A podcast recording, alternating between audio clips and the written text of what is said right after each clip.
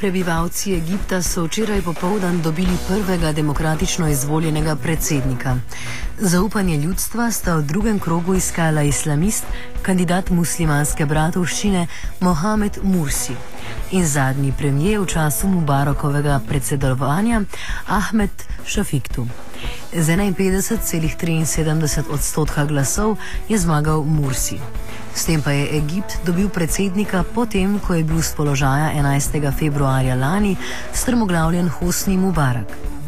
Ob uradnem izidu volitev je bilo iz številne množice na osrednjem kairskem trgu Tahrir moc slišati val navdušenja. Ljudstvo ob leto in pol trajajočem boju od novega predsednika pričakuje enotnost naroda in konec vseh diskriminacij. Pričakuje tisto, za kar so se borili.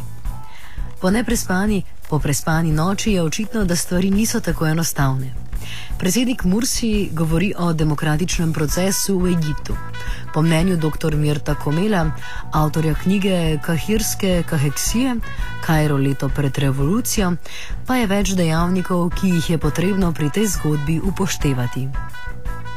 Um, ja, mislim, da je še vsaj par faktorjev ali akterjev tukaj v igri. Um, tistega izziva, ki se kaže pač novemu predsedniku. Uh, pač na eni strani seveda vojaška hunta, ostanki prejšnjega režima, na drugi strani izredno visoke zahteve um, protestnikov, revolucionarjev, stahrirja, uh, predvsem mladih, ki še vedno z uh, dobrošno mero nezaupanja, mislim, da upravičenega spremljajo, kaj se dogaja od takrat, ko so pač uh, vojaška hunta razpustila pooblastila parlamenta in grozila, da bo razpustila tudi institucijo predsednika. In na tretji strani mislim, da tudi mednarodna situacija ni zanemrljiva. Ne? Mislim, uh, od, od zahoda do vzhoda, od ZDA do Irana, če postavimo tako malo širšega politično, so oči uprte v Egipt. Um, Evropa tukaj mislim, da je manjši faktor, bolj, bolj kot ne igra vlogo uh, opazovalca, zaradi tega mogoče neka privilegirana pozicija za presojati, kaj se pravzaprav dogaja. Ampak hoče reči, da se v to eno institucijo predsednika skoncentriralo ogromno, ogromno vprašanj in silnic, um, s tem, da mogoče to, kar bi opozoril, je to, da ne bi, ne bi polagal preveč kon, koncev pozornosti sami instituciji predsednika. Ne? Mislim, uh, paralelno se dogaja ogromno zgodb in ogromno uh, razmerij moči v igri, da tisto, kar bo pravzaprav ta nov predsednik. Uh, uh, ima za nalogo narediti, ni toliko zelo odvisno od njega, no, koliko od, od drugih, uh, drugih strank v, tem, uh, v tej situaciji.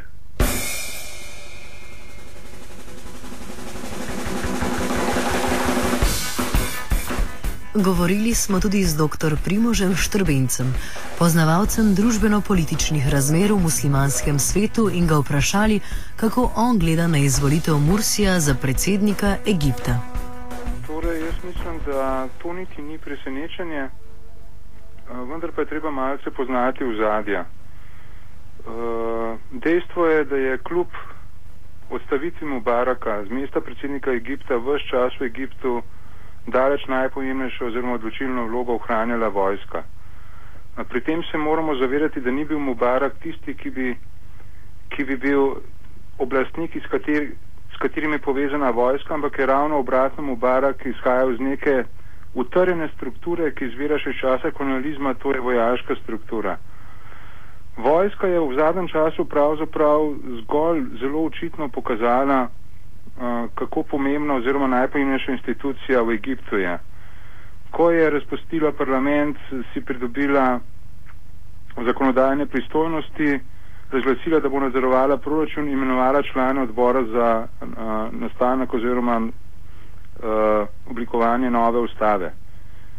Uh, treba je vedeti, da vojska se je pri tem, pri tem uh, svojem manevru, v okviru katerega je ohranjala oblast, lahko naslonila na dva elementa. Prvi je ta, da je v Egiptu vse skozi obstajalo nezaupanje oziroma celo neko rivalstvo med islamisti, na eni strani in pa pogono rečeno sekularisti na drugi strani, ko pravim pogono rečeno, naj podarim, da gre pravzaprav za muslimane, ki pa niso islamisti. Torej, to je prvi element, na katerega se lahko naslonila vojska. Drugi pa je ta, da so islamisti v obliki muslimanskega bratstva pokazali dobršno mero politične frustracije oziroma se je videlo, da po dolgih desetletjih izključenosti iz političnega dogajanja v Egiptu, da so željni politične moči. In v tem smislu so bili pripravljeni dolgo časa, torej v prejšnjem letu, sklepati neke nenačelne kompromise z vojsko oziroma iskati skupne interese in se boriti za moč. Na koncu je vojska pravzaprav pokazala tudi muslimanskim bratom, kdo je pravi gospodar v Egiptu in jim podobno kot v 50 letih prejšnjega stoletja, uh, torej uh, odzela pravzaprav vso moč, ki so, ki so si jo pridobili, s tem, ko so naprimer dobili polovico poslancev v egipčanski parlament. To, da je bil sedaj izvoljen Mursi, to po mojem mnenju niti ni presenečenje. Uh, po mojem mnenju si ne smemo delati kakšnih iluzij, da gre za, za adekvaten oziroma dejanski, dejanski ucel uh, volje ljudi. Jaz mislim, da že v prvem krogu volitev uh, je bila ta volja izigrana, kajti dva kandidata, ki sta imela po mojem mnenju daleč več možnosti za izvolitev kot druga dva, sta bila izločena. Vojska po mojem mnenju hoče zdaj muslimanskim bratom dati neko tolažilno nagrado, s, katerimi, s katero naj bi se do neke mere pomirili. Dejstvo pa je, da tudi če bo tudi Mursi kot predsednik pravzaprav nima nobenih pravih pooblastil, ni vrhovni poveljnik vojske uh, in nima pravzaprav nobenih pravih vzvodov uh, vlečenja potez v Egiptu. Tako da jaz v tej potezi vojske vidim nek, spet neko taktično potezo zadovolitve teh zelo neposrednih političnih apetitov muslimanskega bratstva.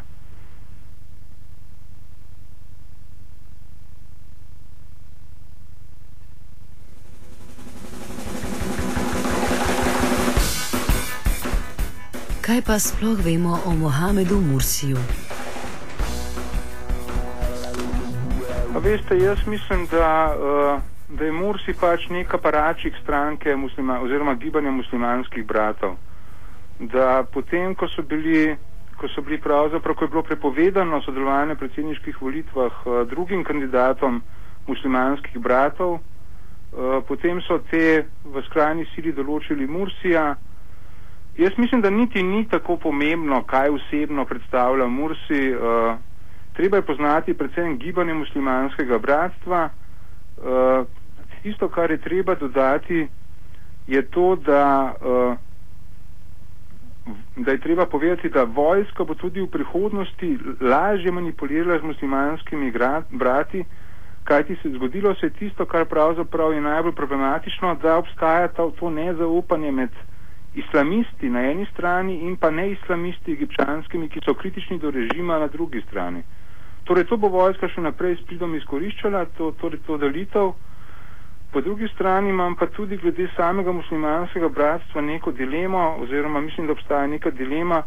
Nisem prepričan, da je to muslimansko bratstvo pripravljeno, tudi če bi prevzelo oblast, dejansko v roke, dejansko slediti islamski družbeno-ekonomski paradigmi, oziroma slediti neki bistveno večji socialni pravičnosti. Uh, mislim, da muslimansko bratstvo pokazalo, da je zelo dovzetno za skušnjave, zelo pravzaprav prozaične skušnjave čiste politične moči. In to je tisto, kar je pravzaprav lahko zaskrbljujoče za egiptovsko ljudstvo. Uh, generalno gledano pa je treba vedeti, da, da uh, je to ljudstvo v Egiptu, tako kot v Tuniziji, pravzaprav v nekem nezavedljivem položaju v tem smislu, da sta obe državi ekonomsko izjemno šipki. Da tudi če, torej, da ljudstvo se je uprlo neoliberalni paradigmi, vendar pa prvič vemo, da ta neoliberalna paradigma v globalnem okviru še vedno močno dominira. Drugič pa, da je Egipt uh, ekonomsko izjemno šipka država in da so že dosedani dogodki pravzaprav pripeljali do tega, da se je kapital oziroma zahodne investicije, da so se v veliki meri umaknili iz Egipta. Pravzaprav, povedano bolj na kratko, če se v globalnem okviru pravzaprav cela vrsta gibanj, pravzaprav vsi intelektualci uh, borimo proti neoliberalni paradigmi, potem uh, tudi v Egiptu do tega preboja ne bo prišlo, če ne bo prišlo do premikov tudi drugot. Se torej z izvolitvijo kandidata iz vrst muslimanske bratovščine v geopolitičnem smislu v regiji sploh kaj spreminja? Štrbenc.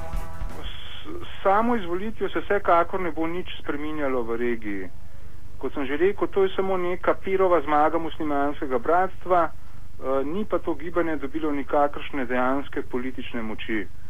Uh, jaz mislim, da v regiji se je že marsikdo sprijaznil s tem, da v Egiptu več ali manj stvari ustajajo po starem, kljub neki kolisi premikanja v pozitivno smer, ki obstaja v vse od paca Mubaraka, stvari trdno vladuje vojska, Pričemer uh, mislim, da bo izkoristila tudi to, da samem občutek, da so tudi te egiptovske množice malce že utrujene od dogajanja in da ni več tistega pravega močnega naboja za spremembe. Uh, Pričemer pa ne izključujem tega, da bi vendarle dejansko prišlo do nekega preboja, ampak to se bi zgodilo samo, če bo preseženo to, kar sem že večkrat omenil, to nezaupanje med islamisti, muslimanskim bratstvom na eni strani in pa pogono rečeno sekularisti, to so pravzaprav muslimani, ki niso islamisti na drugi strani.